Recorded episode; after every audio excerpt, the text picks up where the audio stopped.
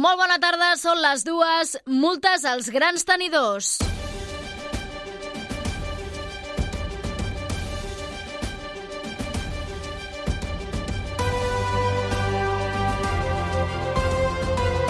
Notícies migdia. Núria Garcia.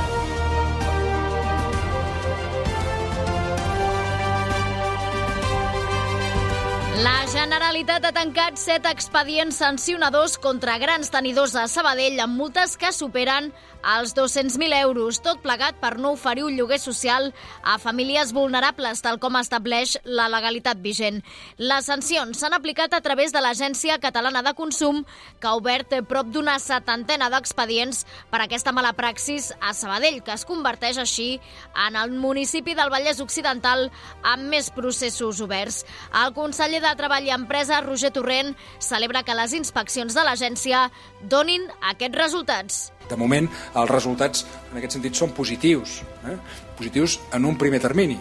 Eh? És a dir, aquest primer impacte. Ara es tracta de que aquest impacte eh, tingui una afectació directa en la, en la realitat i, per tant, que l'any que ve vinguem aquí i haguem de parlar de menys expedients oberts, perquè voldrà dir que hi ha hagut menys infraccions. Al conjunt de la comarca, l'Agència Catalana de Consum ha multat grans tenidors amb sancions per un import superior al milió 200.000 euros. A banda d'aquest tema, durant el Notícies migdia també parlarem de l'Escola Samuntada, que tindrà un segon grup d'I3 al curs que ve, de la futura residència del Sud o de la campanya Cap Butaca Buida, a la qual s'hi ha sumat la ciutat. Ho farem, com sempre, amb la Beatriz Aguilar a les vies de so. Notícies migdia. La informació en 15 minuts. Els serveis.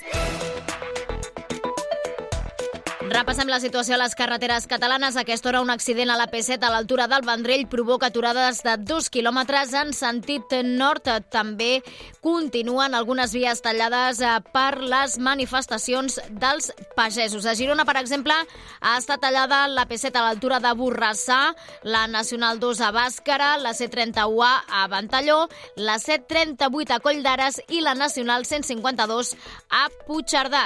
També torna a estar tallada aquesta hora, la 2, eh, també a l'altura de Soses, en els dos sentits de la marxa per les protestes dels agricultors. La mateixa via també està tallada a l'altura de Tàrrega.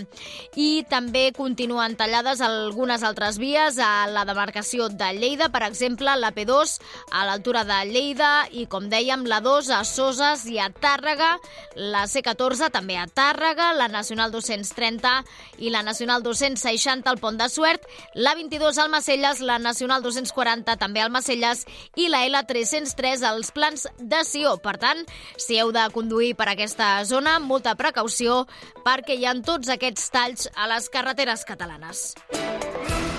La notícia del dia. Sabadell és la ciutat del Vallès Occidental amb més sancions per no oferir un lloguer social a famílies vulnerables. Dels 248 expedients que s'han obert des del 2020 fins ara, 66, és a dir, més d'una quarta part, corresponen a grans tenidors de la ciutat.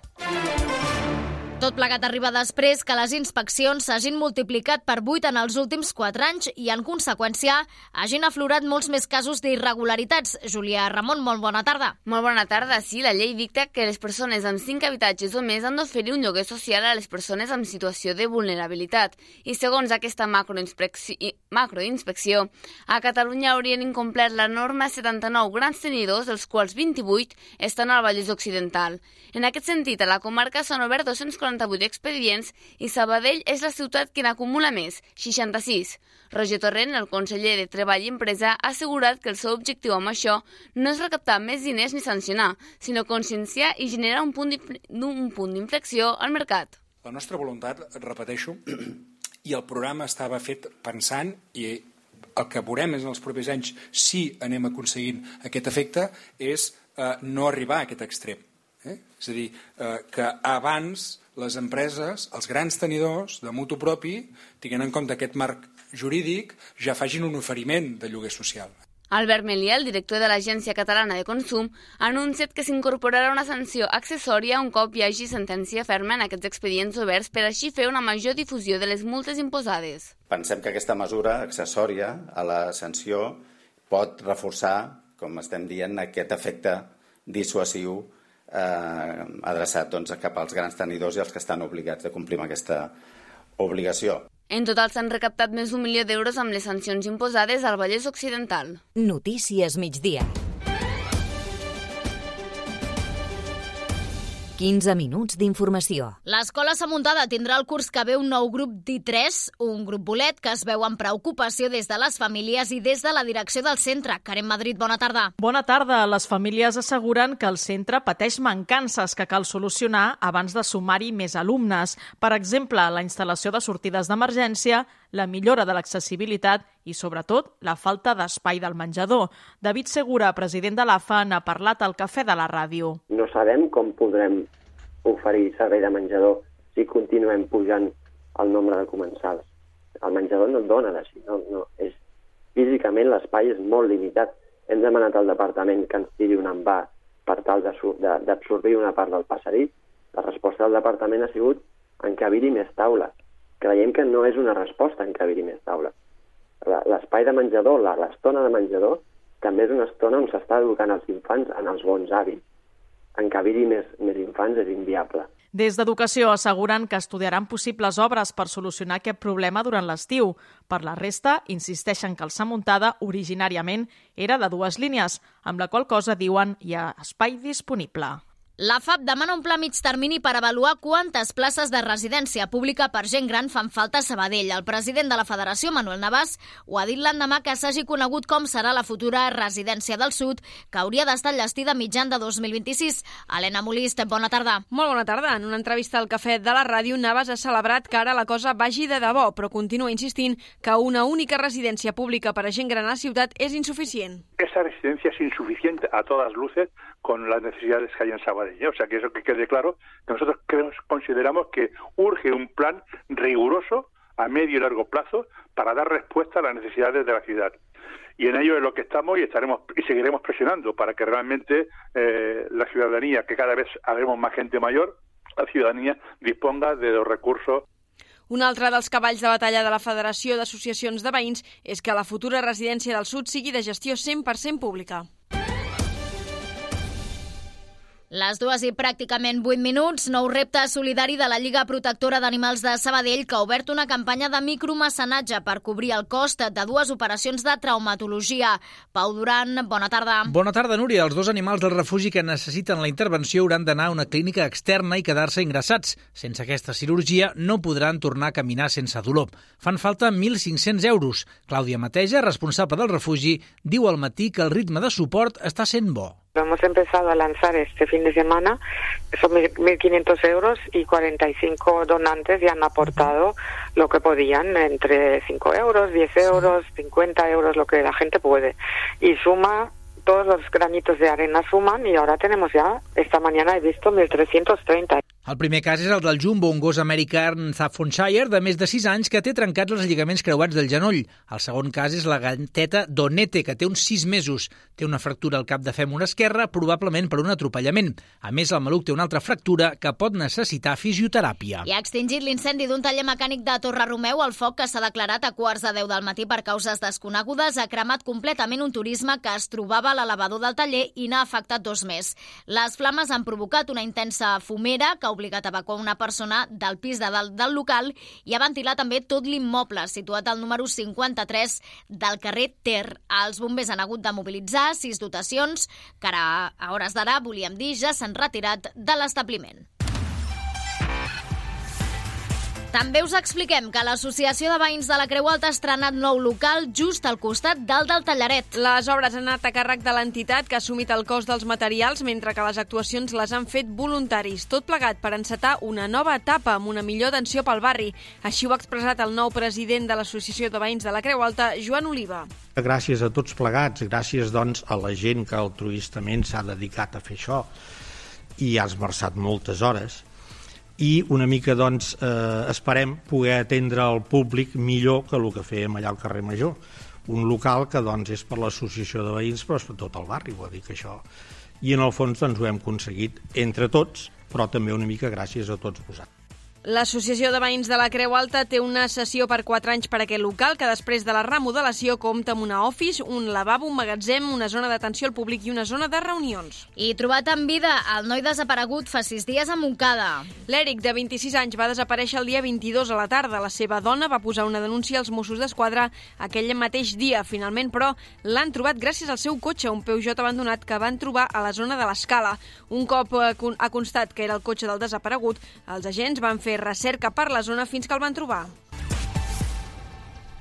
Els alumnes que participen al projecte de cultura emprenedora QM han presentat avui les seves cooperatives a l'Ajuntament. Allà han sigut rebuts pel tinent d'alcaldessa de Promoció Econòmica, Lluís Mates, i pel regidor de Desenvolupament Econòmic, Antonio Rodríguez, que s'han interessat per les seves propostes. En té més detalls, la Berta Torres. Aquest curs hi han participat quatre centres, l'Escola Tartana, l'Estel, el Badruna Immaculada i el Sant Julià. En total, 120 alumnes de 5è i 6è de primària que han creat 5 cooperatives des de zero. Així, s'han encarregat de totes les tasques que impliquen la creació d'una cooperativa, des del repartiment de càrrecs fins a la promoció dels productes. L'objectiu és que en el procés adquireixin valors i capacitats com la responsabilitat social, l'autonomia personal o la capacitat de decisió. Sobre això els hi ha parlat en Lluís Mates, tinent d'alcaldessa. També heu dit una cosa que crec que és molt interessant, que això us ajuda a superar mm, desafiaments, eh? tot aquest projecte, i això també forma part de la vida, no tan sols de, de muntar una cooperativa o una empresa, sinó que les famílies, totes les persones, en, en totes les circumstàncies hem de superar desafiaments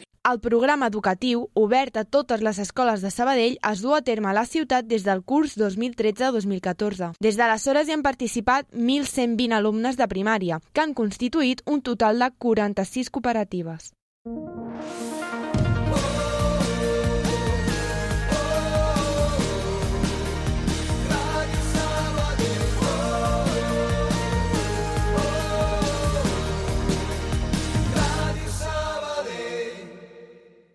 Catalunya està en emergència per sequera. Després de 3 anys sense pluges, les reserves dels embassaments i els aqüífers han anat baixant progressivament, passant del 80% fins al 16% actual. Pots consultar les restriccions del teu municipi al visor de la sequera entrant a sequera.gencat.cat. A més, recorda que pots contribuir a l'estalvi d'aigua amb molts petits gestos l'aixeta mentre et rentes les dents. Prioritza la dutxa en comptes de la banyera, no facis servir el vàter com si fos una paperera o posa la rentadora quan només és plena. Estalvia aigua.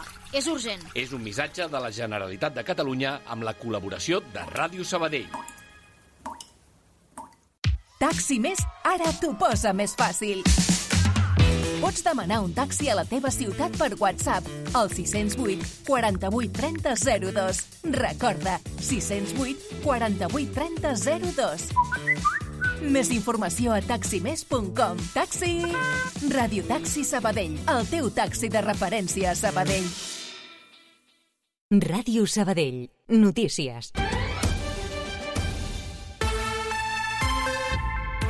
Informacions més enllà de la ciutat, el Tribunal Suprem assumeix la causa per terrorisme del Tsunami Democràtic contra Carles Puigdemont i el diputat al Parlament Rubén Wagensberg. La sala penal ho ha decidit per unanimitat aquest dijous i considera que se'ls ha de citar a declarar. En canvi, no es declara competent per investigar les altres 10 persones que assenyala el jutge de l'Audiència Nacional, Manuel García Castellón. L'encarregada d'instruir el cas serà Susana Polo, magistrada considerada progressista, que va ser ponent de la sentència de la manada. Per cert, la inflació també s'ha moderat al febrer febrer s'ha situat al 2,8%, sis dècimes per sota que el gener. La baixada s'explica bàsicament per la caiguda del preu de l'electricitat. En marxa a aquesta hora la reunió entre el conseller d'Acció Climàtica David Mascort i les organitzacions agràries per atendre les demandes del sector que encadenen mobilitzacions històriques des de fa setmanes. Sí, en paral·lel a la trobada, pagesos i ramaders continuen tallant la P7 i la N2 a Puntós, la C14 a Bassella, la N230 entre Vilaller i el Pont de Suert i la 2 a Tàrrega. El tall dura des de dimarts març. El jutge que investiga el cas Coldo assenyala l'exministre Avalos com a intermediari per solucionar una reclamació del govern balear a l'empresa de la trama Soluciones de Gestión. En l'escrit, el jutge parla d'una reunió el dia 10 de gener entre l'exassessor d'Avalos, Coldo García, i altres persones, entre les quals també hi era present l'exministre de Transports en un reservat d'una marisqueria. És la primera vegada que el magistrat menciona José Luis Ábalos, que de moment no consta com a investigat. S'investiga una trama de suposat cobrament de comissions a la compra de mascaretes, recordem, durant la pandèmia. Cultura. La faràndula i les trucs s'han sumat a la campanya Cap Butaca Buida, una iniciativa impulsada pel sector cultural català que té per objectiu omplir tots els teatres del territori el 16 de març. Sí, és una mesura per ajudar les sales de teatre a recuperar-se de la pandèmia i alhora visibilitzar les arts escèniques. Carles de la Rosa, el regidor de Cultura, però, reconeix que a Sabadell les coses van bé encara s'estan recuperant moltes platees de, dels efectes de la pandèmia, tot i que aquí a Sabadell no ens podem queixar, justament tenim uns índexs d'ocupació altíssims i estem molt contents, just portem unes quantes faràndules amb sold outs, amb els espectacles que hem, que hem portat, tant locals com, com contractats. Les entrades no tenen descompte i per aconseguir-ne una es pot fer a través dels canals habituals. El temps. Temperatura força suau aquesta hora al centre de Sabadell. que ens espera de cara a les pròximes hores? Lluís Mi Pérez. Una situació molt plàcida, força agradable pel que fa a l'ambient, perquè a hores d'ara va pujar la temperatura ràpidament després d'un matí que ha estat una mica més fred que no pas dies enrere i també bufa menys el vent a la majoria de comarques. Encara aquest matí la tramuntana era intensa en alguns indrets de l'Empordà, però ja a hores d'ara i sobretot aquesta tarda aquest vent fins i tot començarà a girar cap al sud, al igual que a les Terres de l'Ebre on també el vent de dalt hi anava bufant bufant. Fins molt entrada aquest vespre, pocs núvols, alguns derrapats a les muntanyes de Tarragona i d'altres que arribaran per les comarques de Ponent. Atenció perquè aquesta propera nit i matinada sí que tindrem una bona traca de ruixats en moltes comarques. Els més intensos a l'àrea metropolitana de Barcelona, al Pla de Lleida i al Camp de Tarragona, amb cota de neu que acabarà caient cap als 800 metres, sobretot a les muntanyes de l'Ebre. Demà, en canvi, començarà el dia força nuvolat, però ràpidament s'anirà obrint clarianes. Per tant, demà, una altra vegada, el temps serà més amable. Us seguirem a la xarxa. Pràcticament les dues i 17 minuts, marxem. Fins aquí el Notícies Migdia. Recordeu que podeu continuar informats al portal de continguts de l'emissora, a les xarxes socials i a través del nostre nou canal de WhatsApp. Nosaltres tornem demà a partir de les dues. Que vagi bé. Adéu.